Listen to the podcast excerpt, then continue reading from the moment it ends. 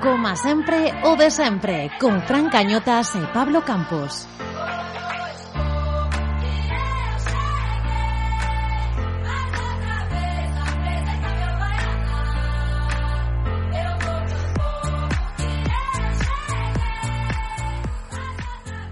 Ola, ola, moi boas, benvidos a este vixésimo van 20 episodios do noso podcast celeste un puntiño agridoce nun partido de todo menos bonito. Menos bonito, sí, pero bonito xa este podcast, porque, señoras e señores, comeza, como sempre... O de sempre!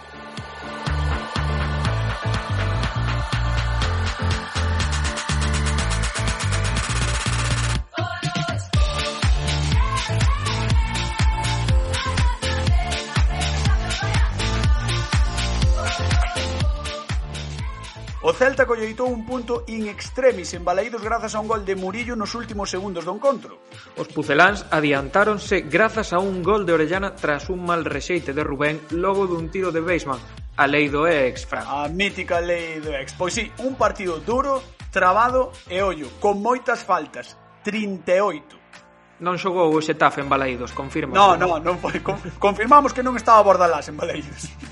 No que respecta ao Celta B, os de Onésimo tiveron xornada de descanso esta fin de semana e os xuvenís gañaron por 3 a 0 ao Calasanz grazas aos tantos de Pablo Meixús, Hugo Sotelo e Damián. Os de Jorge Cuesta son líderes de grupo con 37 puntos en 15 partidos. Todo isto e moito máis comentaremoslo como sempre agora no noso tempo de análise. Eu quero ser Gaiteiro!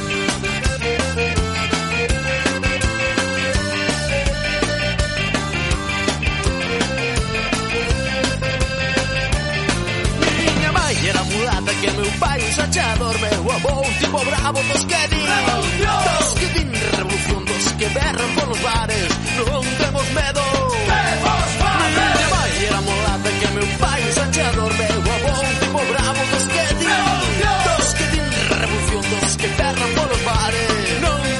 Están connosco hoxe para este tempo de análise Santi Alonso de Atlántico Diario. Que tal, Santi, como estás? Moi boas, como estades? Moi ben, por aquí, como sempre, o de sempre. Alberto sí. Bravo del Desmarque, que tal, Alberto?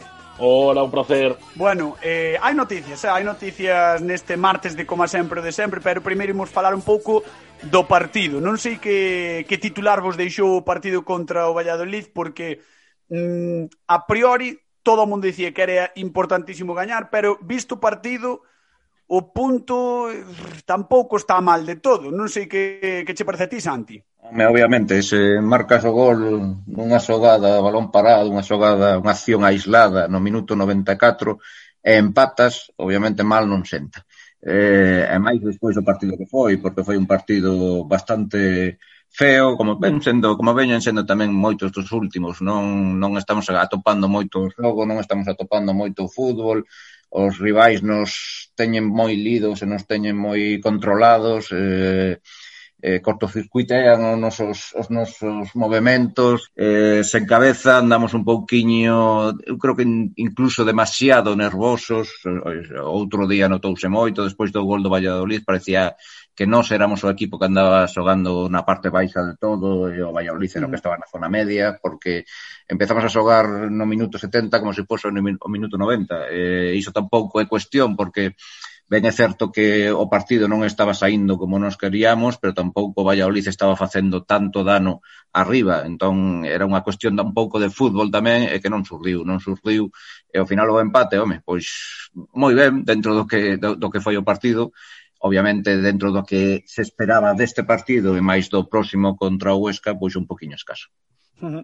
E para ti, Alberto, eh, que, que, que, que titular, que resumo nos deixas do partido? Estou de acordo en que é un punto bo polo que se veu no campo, pero o problema é que a tendencia do equipo neste 2021 está eh, amosando que, que o proyecto pode complicarse, o futuro do Celta pode complicarse moito de aquí o que queda de tempada, que a confección da plantilla volve a demostrarse que, que non é adecuada e que faltan pezas e que a posta inicial de Coudet era boa, pero no momento no que os rivais parece que han atopado de alguna maneira como poder tapar esa saída de balón, o Celta lle costa muitísimo xogar ao fútbol, será ocasións, e volveremos a depender de novo da, eh, do talento e da brillantez de Iago Aspas. Sen Aspas, o Celta é un equipo mediocre, eh, con xogadores que cobran moitísimo dinheiro, que sabemos, pero un equipo mediocre que aspirará por salvarse de novo nas últimas jornadas de Liga. A min dá má sensación, Alberto, non sei que, que opinas ti, que se Coudet perde por acumulación de tarxetas, lesións ou o que sexa, al, algún xogador eh, do, do seu once tipo, o equipo xa baixa moito rendemento, por exemplo, o caso de, de Nolito outro día, que hubo telle en falta un poquinho o Celta de máis mordente arriba nesa, por esa banda esquerda, por exemplo, non? Sí, porque dá a sensación de que o Celta ten un plan A, un plan A que parecía bastante sólido, pero que Agora tamén está atopando algunha fisura, pero non hai plan B nin plan C, dende logo. Ese plan A está confeccionado en torno a 11, 12 xogadores. Eh, falta un xogador como Nolito, que ten 34 anos, que chegou ao Celta o a tempada pasada pensando en que iba a ser bueno, importante nese final de curso, pero que este curso xa, pois a súa participación podría ser menor, non debería ser eh, un xogador vital para o equipo, eh, e o é, e o é porque e non chegou Franco Cervi, que era o gran objetivo de, do Celta era chegar con Franco Cervi no mes de Xaneiro, non chegou, e Nolito é unha peza importante, pero é que Nolito, é que Iago Aspas, que ten 33 anos, e que son todos, porque hai 11 futbolistas, non hai moito máis, e son as dificultades das que falaba tanto Coudet. No momento en que tes unha dúas baixas, o equipo parece que se desmorona, que non hai solucións no banquillo, e, eh, e, eh, e así está sendo o rendemento. Este mes, este, perdón, este ano 2021, o Celta perdeu a Iago Aspas das jornadas por sanción e por lesión. Eh, Iago Aspas só ha conseguido marcar estadísticamente unha asistencia, non ha marcado ni siquiera un gol, e os números son os que son. Son 10 partidos co de Copa, unha victoria, eh, 4 empates e 5 derrotas. Son números de, de, de institución previa do Oscar García. É verdade que co mes de decembro pois Codet está nunha zona tranquila da taba, da táboa pero pero eh, hai que pensar que queda moita tempada e que se o Celta eh, perde, por exemplo, no Alcoraz o próximo domingo ante o Huesca, a situación vai se complicar, porque logo chegan partidos a complicados contra o Atlético de Bilbao, contra o Real Madrid, no que vai ser máis difícil sumar puntos se non se volva a demostrar o que pasaba na anterior estampada, é que o Celta ante equipos que non se encerran atrás ou que non llevan tanto a saída de balón, pois consigue xogar mellor está máis cómodo e pode anotar os goles que non está marcando nestas mm. Mm-hmm. últimas semanas. Eh, eh, Santi, eh, pensas o mesmo? Crees que, que, que o Celta está un pouco nesa situación extraña? Sí, penso que temos demasiado medo. Obviamente temos un medo na clasificación por os dous anos pasados, que iso queda aí no miolos e, e repítese pouco a pouco. Eh, temos medo de que poida repetirse. O ano pasado tamén parecía que xa saíramos cando, cando despois da volta do parón e despois pois volvemos outra vez a caer e salvámonos ao final. Ese medo todavía está nos xogadores, tamén un pouco hilado co que dicía antes dese, desa nerviosismo, excepto exceso de nerviosismo que tiveron os xogadores. E temos agora un medo atroz que eu creo que é un pouco autocreado de que se falta un, xa non funciona nada. Xa non é que falta aspas, que obviamente se falta aspas non funciona nada, porque se falta aspas é, é diferencial e aspas e aspas. Pero que agora parece que falta calquera, esa non funciona. Parece, incluso dentro do discurso do, do adestrador, esa historia de xogo como quero, xogo como podo, se che falta un só, un só xogador non pode ser tanta diferencia, eh, salvo aspas, obviamente, pero o resto dos xogadores falta Nolito, xa non sabemos xogar, falta Brais, xa non sabemos xogar, falta Apia. Mina, xa non sabemos xogar. Eh, a min pareceme un pouco exagerada esa sensación de que só temos 11 tipos E, obviamente, que temos 11 que son mellores que o resto, pois podría ser que temos 11 que se adaptan mellor, sobre todo, eu penso, o, o sistema de, de Coudet, tamén, obviamente, pero non pode ser que falte calquera, eh, falando en calquera, pois prácticamente que pois agora faltan dous xogadores ao próximo partido contra o Huesca e xa estamos tremendo. Ese medo de que non sabemos como, como xogar se non están os 11 elexidos, iso eu tampouco entendo moito porque podes variar, podes subir un po, baixar un poquinho o nivel, pero a forma de xogo ten que ser igual. E iso é o que non está atopando o Celta cando non están os 11 elexidos. E sen eles estamos medo a todo. Eh, eh, credes que, que o discurso de, de Coudet xa non calla como callaba, eh, fiando un pouco polo que decides vos, fiando polo que decides de que eh, ao mellor os 11 tipo, os 11 que está xogando, os 11 polos que aposta, sí que calla, pero en canto se trastoca eso, que, que se cae un pouco o, o, a, a confianza que hai na idea de xogo, na idea do destrador eh, na súa mensaxe, Alberto?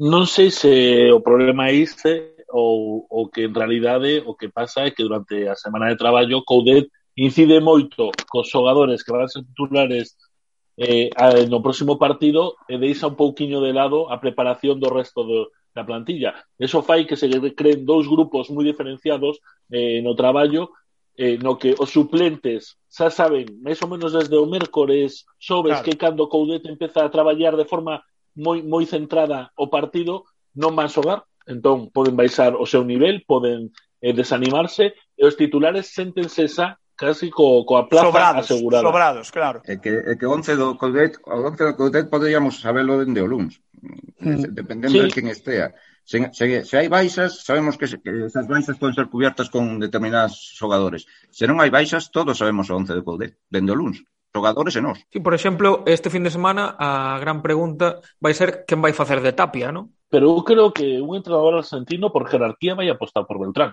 porque un xogador con máis experiencia, porque ten maior ascendencia no vestuario, porque leva máis anos no, no primeiro equipo, e todo que cesa, que non xogue Beltrán, e xogue Holsbrook ou que adapte o sistema metendo a Bryce Méndez ou a Solari, que é a única opción que lle podería ver chirriar, ¿no? a, a Solari ao lado de Denis, é a única opción porque final tamén é un xogador argentino, vemos que dende o principio o ha intentado colocarlos a no 11, todo eso que non cesa Beltrán ou o mellor Solari, eu creo que vai ser unha sorpresa monumental para todo o mundo. Eh, esto tamén influe no, no que pode pensar o rival ou como pode preparar o rival o partido, porque xa sabes que Edu va a entrar por Araujo, que Beltrán ou Solari van a entrar por Renato Tapia, o que o Celta vai perder moitísimos centímetros nese partido no Alcoraz ante o Huesca, que é un equipo que vai ben por arriba, con Rafa Mir, con xogadores que teñen bastante envergadura, eh, eso vai facilitar un pouco o traballo de Pacheta, pero non creo que es que Coudet eh, eh, como dicía Santi, o Luns xa sabemos casi seguro o 99% dos homes que van xogar o fin de semana, pero sabemos nós se o saben os xogadores. Eso, dende logo, para esa gestión de plantilla, creo que é complicado. Se o sabemos nós, se o sabemos nós, obviamente, os xogadores saben, no, vamos. Eu penso que hai dos xogadores no, no Celta agora mesmo que son insustituibles, que son Tapia e Denis. Se, sen eles no, no, no equipo, eu penso que incluso Caudete cando se plantexa cambiar o sistema eh, obviamente retoques, non quero dicir que vaya a xogar con cinco atrás, nen que vaya a facer eh, eh, tolemias, pero a historia é que sen Tapia non hai ninguén que xogue como Tapia, e sen Denis non hai ninguén que xogue como Denis, o que agora está intentando que sexa ese Holsgrove, pero bueno, Holsgrove todavía lle falta un poquinho máis, non podemos pedirlle que sexa tamén xa eh, resolutivo. Sen eles dous, eu creo que sí que pode, como dicía ben Alberto, eu creo que sí que pode mm, reforzar e que Denis recule un pouquiño e facer máis un 4-4-2 máis clásico mellor mm. que, que non facer tanto 4-1-3-2 este que soe facer el. Sen eles dous, sen Denis, ou en este, en este caso está, ou sen Tapia, non teñen substituto natural. E sen substituto natural eh, xa non é que baixe o nivel, é que o, sistema, o funcionamento colectivo do equipo é diferente. Eh, bueno, eh, agora que o, que o club chega ou que o equipo chega aos 30 puntos sempre se fala un pouco desa barreira psicolóxica non? Que son os 30 puntos. A min dá má sensación de que pode ser máis barreira que nunca esta dos 30 puntos no sentido de que se se instala moito, moitas xornadas os 30 puntos eh, sí, que os, sí que os xogadores van a sentir como unha presión, obviamente, porque non chegan aos 38, 40 da salvación, 40 e pico, eh, pero, sin embargo, se suman un par de bons resultados, ao mellor o equipo despega. Non sei se si, si, si os 30 puntos poden ser algo tamén que psicolóxicamente merme o equipo, Alberto? Non, non creo que merme o equipo porque eses 30 puntos será unha cantidade que non conseguíamos nas tempadas anteriores ata o tramo final de tempada. Uh -huh. Con dos resultados eu creo que o, o equipo teria que estar moi tranquilo, sabendo que a salvación é algo prácticamente matemático, e ali o mellor poden soltarse e empezar a xogar a ese fútbol máis parecido ao que tiveron no mes de decembro, aunque eh, houve resultados no que a efectividade e a tendencia positiva do Celta permitiu sumar victorias, e unha delas foi incluso contra a Huesca, que en Balaidos só un bo partido e puxo moitísimos problemas ao Celta, e, e liberarse de, desa de tensión que eu creo que teñen agora eh, como decía Santi, unha tensión un tanto eh, autoimposta polo mal Por él, que estiveron sí. eh, sí, nas tempadas anteriores no que se escalmaron eh, no último momento, porque a realidade é que a distancia cos postos de descenso eh, é amplia, son oito puntos, esa non é en puntos, é que a cantidad de equipos que están inmersos nesa zona de descenso Sí, es muy grande para, para, Claro, hay muchísimo tráfico. Para pensar que el Celta, con 30 puntos en la jornada 25, cuando quedan 13, no se será capaz de sumar 12, que a salvación casi matemática, é que, 42. É que o Athletic ten os mesmos puntos. E ninguén en Bilbao está falando de descenso, penso eu. Entón, eh, esa sensación de, de vir de donde vimos, que obviamente iso ten que influir, porque foron dous anos moi complicados, dous anos que nos salvamos case de milagre, e eso, eso, todo, todo iso queda na, xa non incluso na, na cabeza dos futbolistas que tamén, sino incluso no ambiente, incluso no vestiario en global, porque hai xogadores a mellor que non estiveron os dous anos, pero teñen esa sensación tamén, teñen esa sensación de que este equipo eh, falla cando parece que non vai fallar. Es, es, esa sensación é terrible porque ao final xogas con, con ese medo a que volva a pasar o que xa che pasou.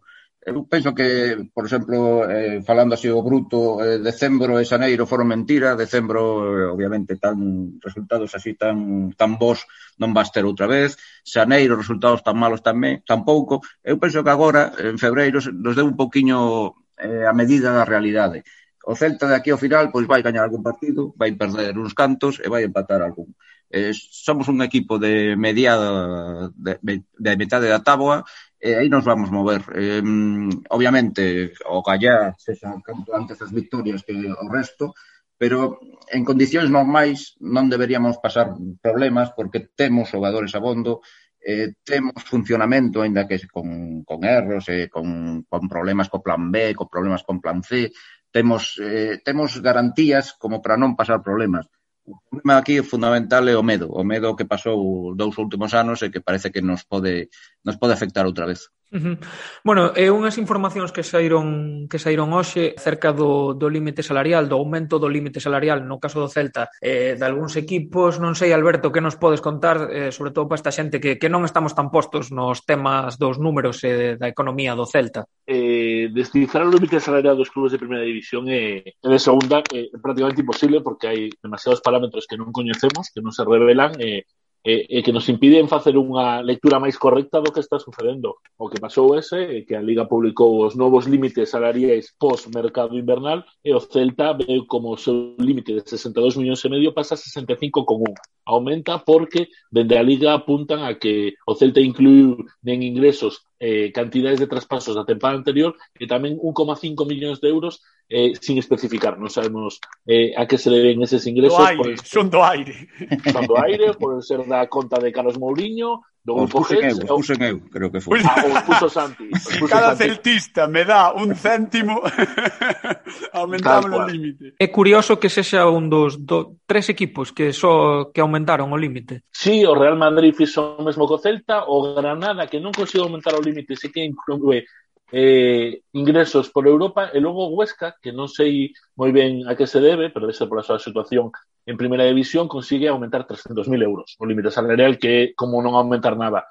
Eh, creo que ese límite do Celta serviu para eh, despedir a Óscar García, contratar por unha cantidade que saberemos ao final o 100% cando salgan as contas do Celta eh, a Eduardo Coudet, parece que pode ser incluso un millón e medio de euros que lle tiveron que pagar Internacional de Porto Alegre, eh, e logo eso creo que complicou, o sea, obligou o Celta a prescindir de Lucas Olaza, a, a ceder ao Caio Cusco sabendo que non había recambio na plantilla para Tapia, e contratar a Solari eh, Facundo Ferreira, como din algúns polo bocadillo, porque a verdade é que cobran moi Sí, pouquiño, eh, O de e Aaron Ferreira, Martín- polo que, polo que se conta ese día, eh, vamos. o de, eso, o de Solari, Cata. queres dicir.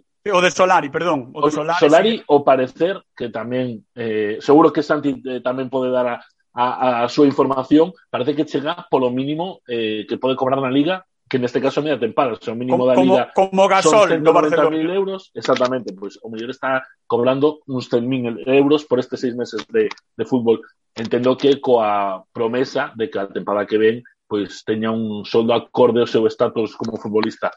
Eh, pero o que demostra é que a, o, o límite salarial os clubes o poden manexar como queren, casi, ou non como queren porque esta temporada é complicada, pero sí que teñen recursos para modificalo, ampliálo é que o discurso do Celta de que non podemos fichar porque non temos cadros límites salarial cae, cae o chan. Podería, podería ser mentira porque has demostrado que has aumentado 3 millóns de euros ese límite salarial agora. Que a enseñería, a enseñería económica é, é, é reforste aquí na Liga. Sobre todo no Celta tamén andan xogando un pouquiño con todas estas cuestións eh, é complicadísimo controlar eh, ata onde está ese límite, eh, se, canto se cobre sobre todo, porque, por exemplo, ne, na historia do límite salarial podían, tamén, antes Alberto, a operación de Cervi. Se Cervi se chega a pechar, tamén precisabas máis límite salarial. Agora non sabemos se ese límite salarial está coberto ou non, porque unha cousa é ter máis límite salarial e outra cousa é cubrir, cubrirlo, Quer dizer, eh, o Celta pode agora ter máis límite salarial, pero mellor ten menos gasto en salarios que pode ser perfectamente despois do mes de Xaneiro, despois das operacións que está dicindo de, de Solari, que obviamente chama atención, a min o de Ferreira tamén me chama atención, que un xogador libre eh, firme seis meses, que é unha historia complicadísima tamén. Uh -huh. eh, non sei, eh, os, eh, a, cuestións económicas, eh, obviamente hai un rector principal que é a Liga, pero depois os clubes poden xogar con elas. E o Celta ten a ventaxa, e iso sí que é verdade, de que nos últimos anos eh, resultados económicos foron bons. Entón, a partir de aí, podes xogar, sí que é certo que non moito, non vas, non vas eh, poder facer eh, de repente sacarte un millón máis ou 15 millóns máis, non. A cuestión é que podes xogar un pouco con esa con esa historia. Eh, despois, claro, hai que eh, ao final hai que facer sacrificios, e o sacrificio deste mes de xaneiro foi o Laza.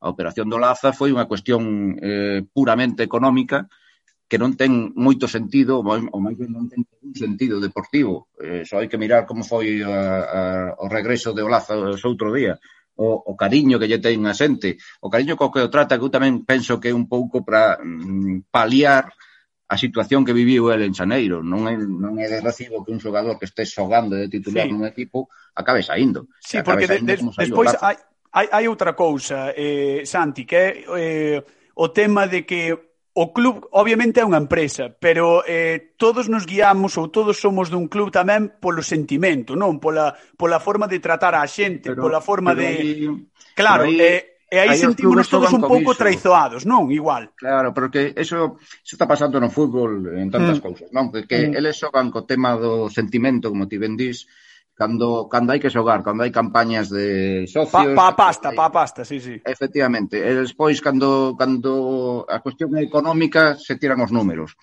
é moi doado a dicir non o fútbol é un sentimento, pero despois, oi, eh, que se teño estes números, teño que cadrar estes números e non teño tal. Despois, cando te, fago unha campaña, tiro o sentimento. Esa, esa ambivalencia que ten o fútbol, basicamente, é moi preocupante, sobre todo porque eu penso que a xente, moita xente, obviamente, os celtistas, sen entendo esa identificación sentimental. A identificación sentimental, hoxe en día, no fútbol, na xestión do fútbol, non existe. Mm. Entón, eh, unha, por, vai por un lado a cuestión sentimental e vai por outro totalmente diferente a cuestión económica.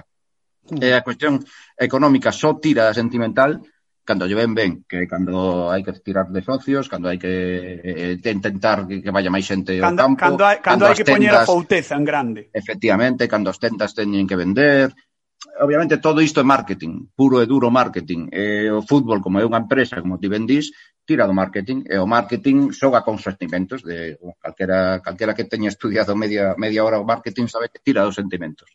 Entón, se xogas con sentimentos, ao final tes eh, beneficios económicos, pero eso non quere decir que a cuestión económica vaya a depender do sentimental.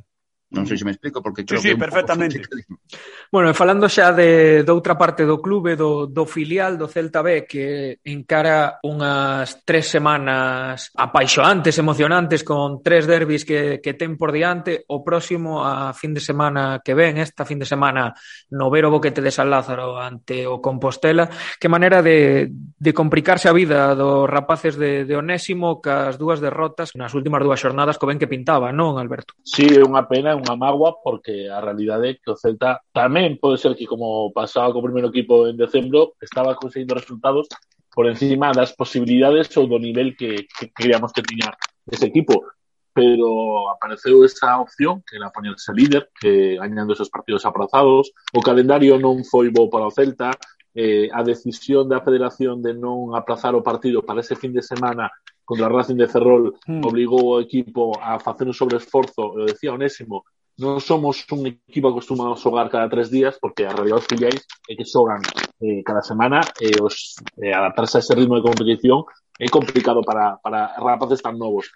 Eh, pero esgotou esa, esa posibilidade, agora ten tres partidos moi complicados, tres derbis ante o Compostela, que posiblemente é esa, o equipo que mellor xoga do, do grupo Sin do duda. Celta, porque porque o, o traballo que fai o Compos con eses xogadores e o seu entrenador é, é absolutamente increíble. Logo, un partido no que os sentimentos eh, todo vai ser é moi moi moi complicado de xestionar porque é que, o Deportivo é, é que, claro É que, é que o, o, o tema, é un máis que o partido do Compos, que sei que vai ser un partido dificilísimo para o Celta B, o último partido contra o Coruxo, que vai depender moito tamén da situación do Coruxo, pero son importantes puntos, polo tanto, tamén van andar aí co, co, co coitelo entre os dentes. O día do Deportivo, co que pasou no partido de ida, ese partido, vamos, vai ser a cara de can, pero absolutamente, o sea, eu creo que vai ser o partido máis difícil dos tres. É a impresión que me dá a min. Sí, pode ser, porque, polo que repito, se, se recordamos como Iago Aspas perdía a cabeza cada vez xogaba o Deportivo,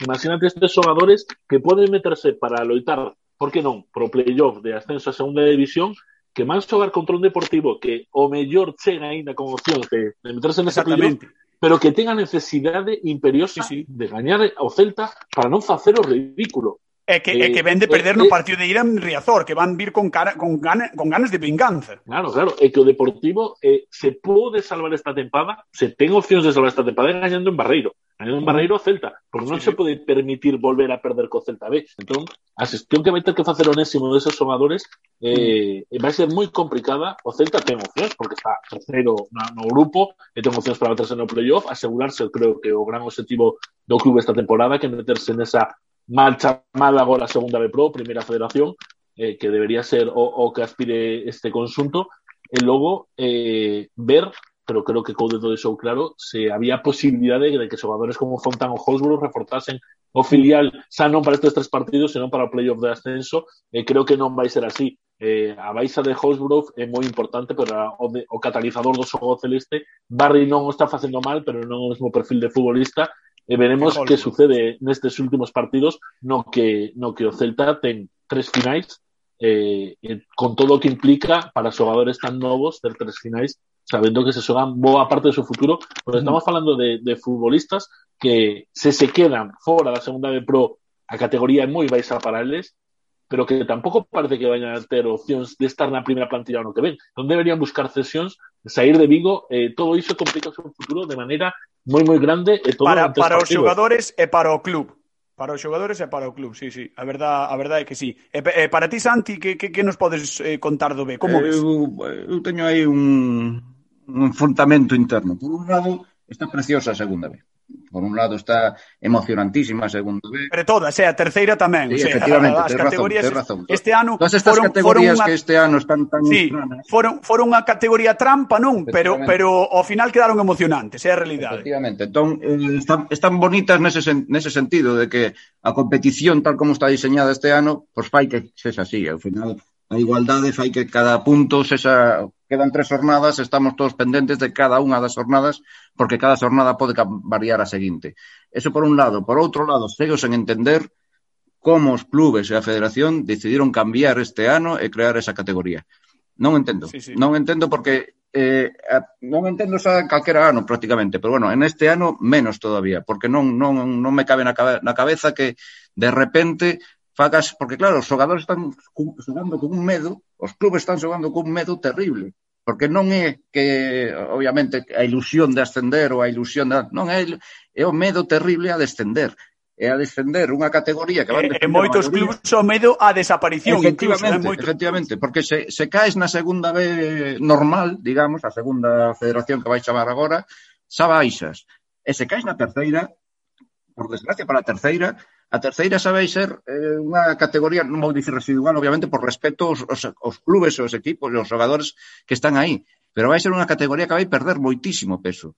Todo iso está pesando moitísimo na cabeza dos jogadores. Obviamente, pesa na cabeza do deportivo, porque eh, obviamente eles teñen máis, eh, máis, máis responsabilidade, pero pesan todos Pensa nos xogadores do Coruso. Cada equipo que saía este ano a xogar na segunda B saía coa eh, a intención, a idea e o objetivo de estar o ano que ven na, na segunda B Pro porque senón descendes. Eh, e, e, xa non é que descendas deportivamente, que obviamente é un pao, sino que económicamente vai ser durísimo, porque este ano está sendo durísimo para todos os clubes, e o ano que ven perdes unha categoría, baixas unha categoría, a ver como é o tema das axudas, que agardo que polo menos por aí eh, funciona un poquinho mellor, pero a nivel de, de patrocinios, a nivel de demais... Eso vai ser unha defensa. Aí está, ti vas, ti vas vender os patrocinadores que estás na cuarta categoría non que estás na terceira. Sí, eu por, eu, por exemplo, eh, como, como estive no, nos deportes da tele, uh -huh. eh, máis ou menos sei que para os clubs eh, pois como o Coruxo, incluso Pontevedra,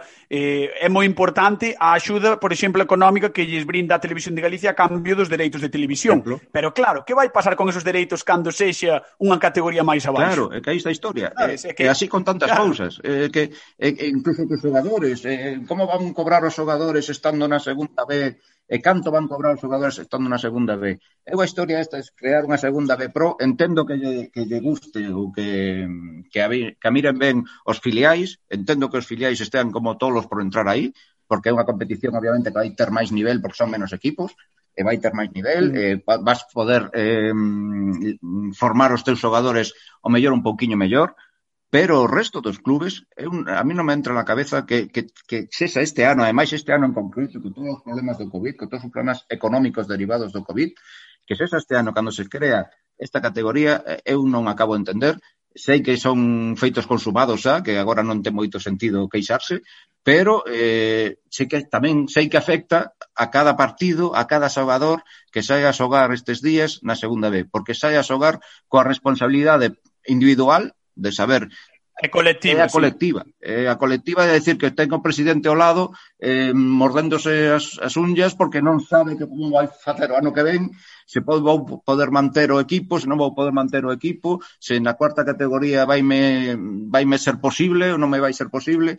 Todo iso se está xogando agora mesmo nestas semanas. E por iso, obviamente, a nivel deportivo, a nivel que o mira desde fora e non ten nada en xogo económico, pois claro, está bonito de mirar pero para os que están dentro, para os que están dentro, sí. penso que é unha presión terrible, unha presión terrible. Bueno, pois dobre presión para, para os equipos de segunda B nestas tres xornadas que quedan, tamén para os da terceira, que todos están xogando aí as favas, non? Como, tamén. como se di. Tamén.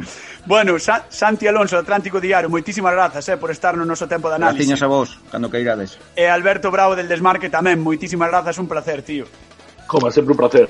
bueno, pois nada, verémonos en, en futuras ocasións que a verdade é que dá gusto falar con vos. Gracias, rapaces. Chao, chao. Unha aperta.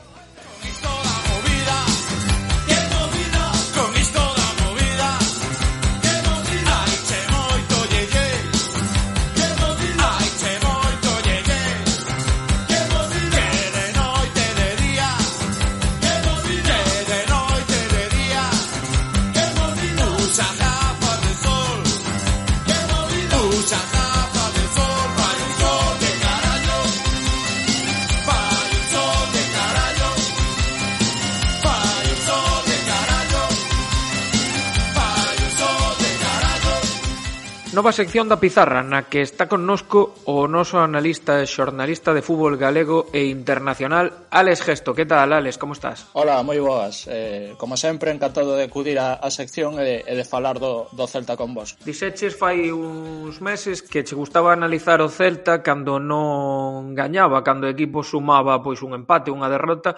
Levamos un par de partidos aí que, que seguro que, que está sacando bastantes conclusións do xogo do Celta. Sí, dende logo. Eh, eu creo que en especial estes dous últimos pois eh, teñen moito que ver un pouco nos plantexamentos e nos problemas que atopou o Celta pois creo que poden ser semellantes e eh, que de ambos podense extraer digamos conclusións lineais incluso que teñen que ver co, co que vimos en eh, tanto en Mestalla como en Balaídos esta semana contra, bueno, semana pasada contra o Valladolid. Uh -huh. Contanos un pouquiño, que fallou o domingo contra o Valladolid? Bueno, en primeiro lugar, eh, no primeiro tempo, o que falla principalmente é que o equipo tendo a pelota, que nesta ocasión, pois ao igual que Mestalla, topase co balón, eh, ten oportunidade de ter o balón e de progresar con el, pois iso, non logra achar a salida fácil, a salida doada, non logra atopar mecanismos de saída cómoda ante un Valladolid que en bloque alto, incluso en presión en ocasións, pois estaba bastante cómodo e, e digamos que tiño o partido máis onde que queri, onde quería o Valladolid que onde quería o Celta. O tema é que eh, eu penso que hai unha pequena evolución con respecto ao que vimos en Mestalla, eh, esta vez tamén ten que ver que está aspas e, e que o 11 ten máis que ver co, cos 11 que ven plantexando co UD dende o inicio, pois a presenza de aspas creo que é interesante porque, mm, bueno, en primeiro lugar, acumula moita xente na dereita e penso que os mellores momentos do partido do Celta a nivel ofensivo os vimos cando encontraban a Maio libre en, en, no lado débil, que foi un movimento que explotaron cando puideron progresar nas poucas opcións que puideron progresar, que Aspas ofrecía moito, tiraba diagonais, eh, diagonais eh, dende a área, caindo as bandas dende esa sección eh, do campo e eh, incluso legaba certo peligro en ocasións, E, bueno, tamén estaban outros xogadores que, que fundamentaban a esa superioridade do Celta no lado dereito. Logo, no inicio, no propio inicio, o bloqueo eh, é semellante ao que vimos en Mestalla, porque eh, os centrais non logran atopar espazos claros dentro dos que progresar, os laterais malia que caen poucas veces a, atoparon un espazo para progresar de xeito exterior, eh, Denis custoulle moitísimo eh, ter o balón de cara, porque nunca recibe de cara, tanto en Mestalla como a, Coma a semana pasada contra o Valladolid, pois Denis poucas veces recibe de cara e as poucas que o Celta conseguiu involucrar a Denis nun contexto favorable, eh, xa sexa buscando a mina en profundidade e descargando cara a él ou nalgúna acción individual de Arón Martín en que rompe igual eh, a presión individual e xera un espacio que a partir de aí obliga a replegar o, o resto do Valladolid, digamos que nesas ocasións Denis sí que se atopaba de cara para, para recibir, foron moi pouquiñas, o equipo estaba moito máis cómodo ao progresar. Logo penso que no segundo tempo pérdese un pouco ese, mm, digamos, esa capacidade para xerar, porque para min Denis, malia que estaba polo contexto moi limitado as veces que interven, fai no ben, eh, dentro do frouxo que foi o partido colectivo e o frouxo que foi o partido de Denis, a súa presenza nas poucas ocasións que ten o Celta para progresar cómodo e trascendental eh, é importante nesas ocasións, digamos que penso que Coudeta ao facer ese cambio perde un pouco do, do que estaba a ter contra os 20 minutos, media hora, incluso chegando ao descanso do partido. Eh, o Celta, pois, nunca estivo cómodo, eh, con isto estivo aínda máis incómodo e chegou ata a final de partido un pouco eh, opositando a, a ver se, se salía algo, se, sen demasiadas ideas ou brillantes logra, eh, lograba algo e finalmente pois aínda que tivo que remar na, na contra e o Valladolid xa estaba a ferrar un cero topouse con que eh, pecháronse atrás aínda máis atrás do que quizáis debían e o Celta nunha acción a balón parado pois sacou un punto de moito valor nun partido no que realmente iso xogouse máis como quería o Valladolid. O Celta é certo que para min a nivel ofensivo ten algún pequeno matiz ou destello que se lle pode sacar para ben, pero moi pouquiña cousa e segue a ser un partido que no que estivo incómodo, de logo. Eh, eh, dame impresión, bueno, é eh, algo que xa falamos moitas veces, que, que o Celta custalle moito cos equipos que, que se pechan ben atrás, non? Que lle custa moito desfacer as liñas eh, pois tanto centro do campo como defensivos eh, e neste caso o Valladolid fixo moi ben. Eh, un partido no que tivo 38-40 faltas eh, no que non se xogou moito bueno, custoulle, de feito creo que, que o gol foi o segundo tiro a porta do, do Celta.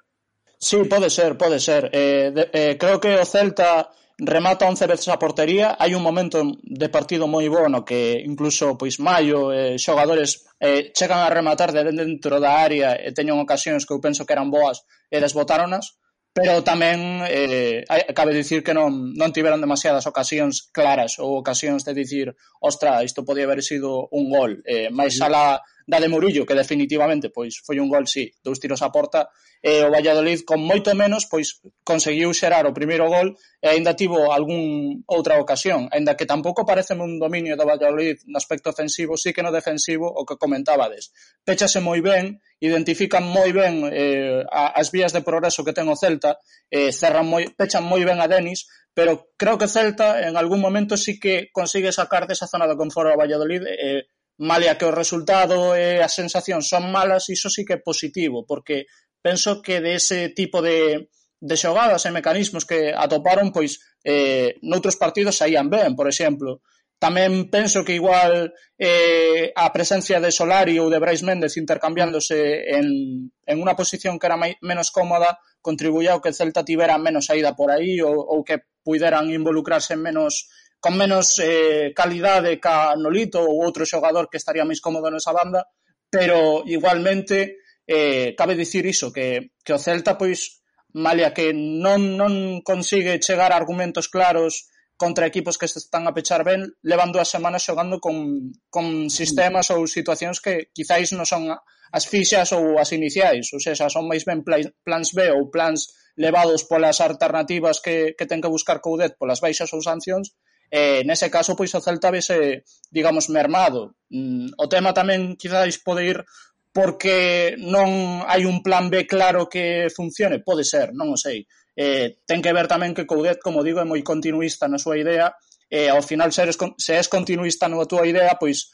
tes que facer moi ben as cousas para que non eh, dentro dese pouco campo de acción que tes, porque ao final é un campo de acción limitado, se só tes un plan, Tes que facelo executalo moi ben. O Celta, pois, costoulle nestas semanas executalo ben por iso, porque ademais o rival o cerra ben, igual xa coñecen o plan, igual tamén, eh, como comentaba, os eh, plantéis cos que chega o partido Coudet non son os que viña tendo inicialmente noutras situacións, pero vaya, neste caso falamos dun, dun cambio un, únicamente, eh, que tampouco debería por que ser trascendental. De feito, é, é chamativo que o Celta de Coudet con Brais en banda natural, pois acostuma a ir moi ben, moi cómodo. Xusto tamén ten que ver que Brais en banda natural, cando o Celta comeza a sair ben, está el nesa banda. Nolito, por exemplo, que é un xogador que tamén fai as superioridades por dentro, pois penso que o que fixo Solari mm, non, non estivo ao nivel do que adoita facer Nolito a nivel posicional pol, polas súas características, vaya, uh -huh. pero hai que ver como, como evoluciona tamén e, eh, habería que atender a moitas cousas para ver eh, se realmente o problema é que se pechen os rivais ou o problema é que o, o, o plan do Celta non dá para máis con X xogadores ou X circunstancias. Habería que verlo. Eso é o que nos dá a sensación que comentábamos antes no tempo de análise que cando o Celta perde a un home, xa sexa pois Brais ou Iago ou Denis ou incluso Nolito como sucedeu o domingo, eh, xa o, o plan de Coudet xa fai un pouco de augas, non? Xa como que non lle dá sacado o rendemento 100% o, o equipo. E outro día contra, contra o Valladolid veuse, de feito, esta semana próxima que, que ven contra o Huesca, sen Tapia, Volve Nolito, veremos que probará Coudet para compensar a baixa do peruano que é un dos imprescindibles do once. Sí, eu, eu creo que esa baixa vai ser trascendental, especialmente a nivel defensivo e de equilibrio do centro do campo, pero eh, oi, igual no aspecto ofensivo eh, cun xogador que teña mellor trato de balón ou que este un situación de xerar máis superioridades en posicións máis superiores, non creo que sexa o causa, pero se chegase a darlle libertad, liberdade a ese tipo de, de xogador que, que meta na súa posición, pois igual o Celta atopa incluso máis comodidades a, ao sacar o balón contra, contra o Huesca, que supoño que tampouco eh, bueno, agora que ten a, a Pacheta, por exemplo, supoño que o escenario de partido que se lle plantexe pois pode ter os seus matices Eh, pero que penso que o Celta pode tener tamén bastante pelota no Alcoraz, a ver a que velo. Eh, eh, eh ao final isto nunca se sabe, pero iso, eh, en definitiva, a baixa de Tapia vai ser importante. E eh, con respecto a dos cambios, eh, estou de acordo porque, bueno, xa o comentaba anteriormente no, bueno, na, na anterior pregunta que me fixestes, pero tamén penso que ten que ver igual con que non ten perfis que sexan eh, intercambiables no sentido de que sexa o mesmo perfil de xogador. Mm, digamos que hai xogadores que son dun perfil moi característico dentro dese esquema e que ao final non teñen recambio. Eh, vexase eh, Aspas, por exemplo, é difícil buscarlle un recambio máis algo de Brais porque hai poucos xogadores que podan facer as funcións ou ter os, o recorrido ou, ou as características de Aspas máis ao lado da súa calidade individual. Eu estou a falar do, do perfil do xogador Tapia igual, Tapia é un xogador que é único en perfil, en características, é o único que ten o Celta desa clase, e se eh, non está con el, naturalmente vai non votar en falta, máis aló de que este a facer, eh, insisto, un rendimento mellor ou peor. Con Nolito igual, Nolito é un xogador que, fíxate, igual eh, nas dous tres que tivo o Celta, por dicir ocasións non claras, do Valladolid chega a estar igual nas súas intervencións o Celta logra un plus de de colmillo ou logra ter un, unha vía pola que xerar unha ocasión de peligro máis clara. Eh, iso contra o Valladolid, por exemplo, non, non o vimos tanto, e non aparecían tanto dende, dende ese lado Solari igual. Eh, no caso de Brais, sí que ten a Solari. Eh, por exemplo, vemos que Solari, que é un perfil que sí que encaixa no que lle podería pedir Coudet a un volante de, eh, dereito, está a funcionar ben.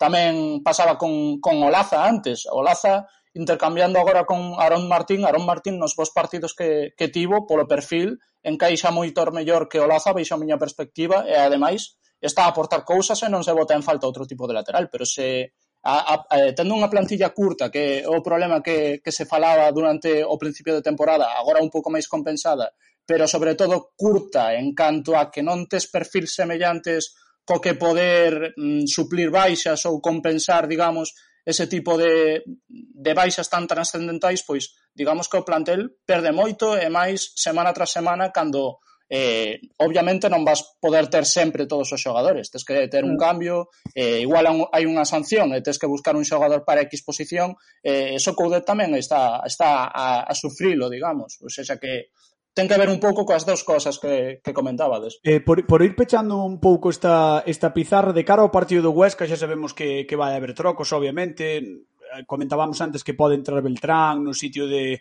de Tapia, de, por, por galóns, non? Comentábamos antes no tempo de análise. Pero do Huesca, eh, ti que nos podes contar? Como, como é este Huesca de, de Pacheta? Bueno, eu, eu o Huesca do Pacheta aínda non, non teño visto moito, eh, sobre todo a, de onde o coñezo a, a Pacheta e de, de cando xogaba, bueno, cando entrenaba no Elxe.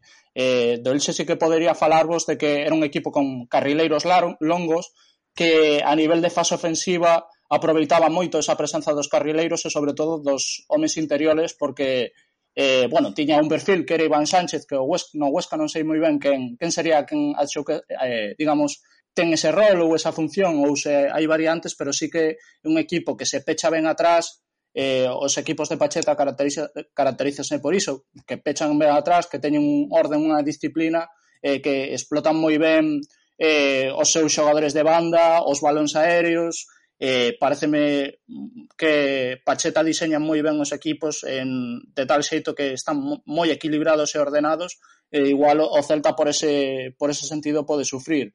Mm, veremos como tamén como influe a baixa de Tapia porque eu penso que pode ser transcendental no sentido en que o, o Huesca poda eh, a, a, abarcar eh, campo rival e poida plantarse en campo rival en fase ofensiva eh, haberá que ver tamén, digamos, como, como se comportan os xogadores do Huesca, porque tampouco sei se teñen baixas ou se ven completo inicial, tería que, que consultar con, con máis tempo, pero iso, eu, eu, eu creo que igual o escenario de partido pode ser semellante, polo que comento. En, cal, a, en a calquera caso, en calquera caso vai ser un partido complicado para, para o Celta, porque xogando con cinco atrás ou con carrileiros longos, eh, eh vai ser difícil para o Celta, un equipo que se posicione ben ben atrás e vai estar complicado. Alex Gesto, moitísimas grazas eh, por estar no Coma sempre de sempre. Nada, gracias a vos, eh, é eh, un placer chegar a, aquí a, a falar outra vez. A ver que é o que nos dixo a xente polo Twitter, porque agora chega unha sección que está gustando bastante. Imos coa voz da bancada.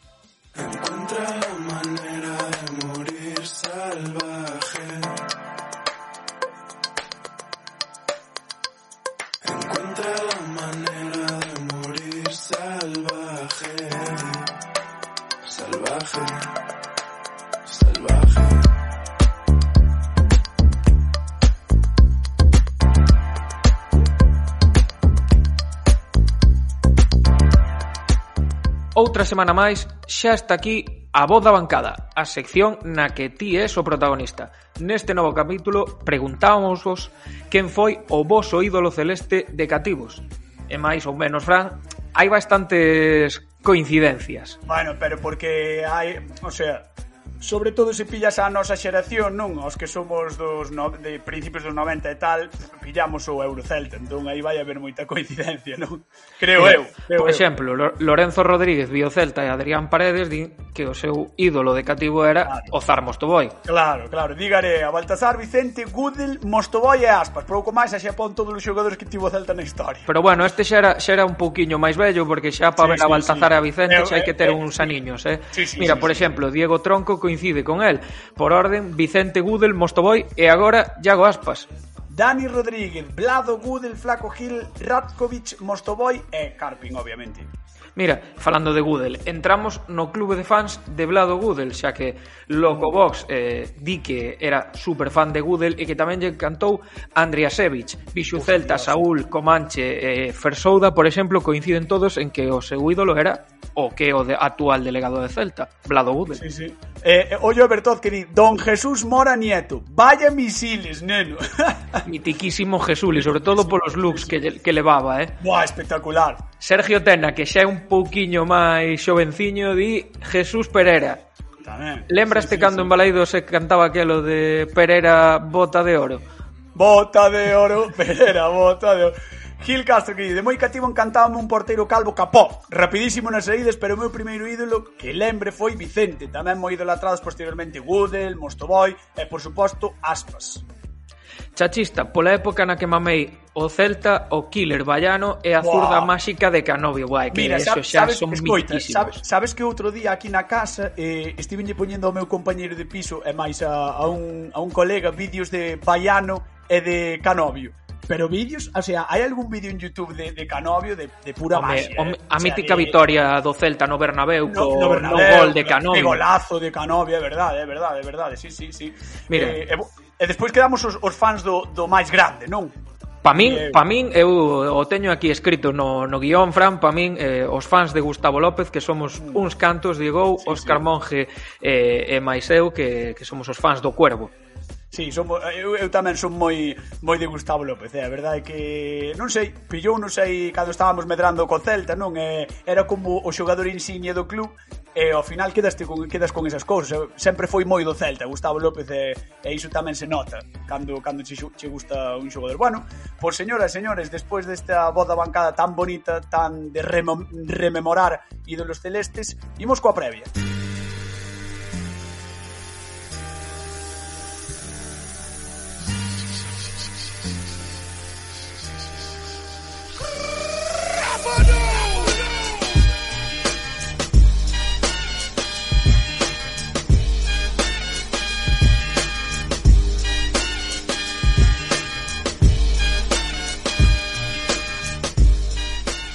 O Celta viaxará ata Huesca para enfrontarse ao último clasificado da Liga. Os de Pacheta suman sete dos últimos 15 puntos, ollo, e veñen de empatar a uns ante o Eibar en Ipurúa. Un equipo que trocou a súa forma de xogar dende que chegou o seu adestrador fai seis xornadas. Defensa de 5, 3 medios e dous homes arriba. É o esquema que ven utilizando Pacheta nos últimos encontros. Supoño, Fran, que o teu compatriota e amigo Pablo Insua xo, xogará como titular esta fin de semana, non? Non, non sei, pre preguntarelle, preguntarelle, sí, sí. Ademais, eh, o, o Huesca conta con tres galegos máis, ademais do, do propio Insua, uh -huh. catro en total, eh, xa que nas súas filas están homes como a Juan Carlos Mosquera ou Ourensán Ferreiro clasicados, eh, clasicados que pasaron eh, polo Deportivo. No que respecto ao Beo, filial enfila os últimos tres partidos de Liga co obxectivo de manter esa terceira praza que agora mesmo ocupa o próximo rival, o Compostela, que nos gusta tanto neste podcast, o Compostela de Yao Iglesias. Pois sí, Fran, unha das revelacións do grupo, os branquiazuis son quintos con tan só un punto menos que o Celta B e aínda non coñecen a derrota no Vero Boquete de San Lázaro esta temporada. Ollo piollo. Ollo piollo. Compos, Deportivo e Coruxo, de Antón de Vicente. Vaya tres enfrontamentos que lle quedan por diante aos de Onésimo no seu obxectivo de acadar os postos de ascenso á seguinte fase. Bueno, estaremos pendentes do que pasa co Celta, co Celta B, co Xuvenís, con todo o da Casa Celeste, porque este podcast fundamentalmente céntrase no Celta de Vigo. Señoras, señores... Que estean atentos, Fran. Que estean atentos. Que estean atentos porque sí. haberá sorpresas nas próximas semanas. Sí, vai haber sorpresas. Vai haber... Vamos a intentar ter algunha que outra sorpresa chula. Verdad, Campos? Pois sí, Eu creo sí. Que sí. Bueno, a ver pois se nos nada. collen o teléfono. Este é o que se dice bar en, na radio. Pois aí queda o cebo, señoras e señores. Foi un placer. Vémonos a semana que ven. Chao, chao. Chao, ata a próxima. Coma sempre o de sempre, con Fran Cañotas e Pablo Campos.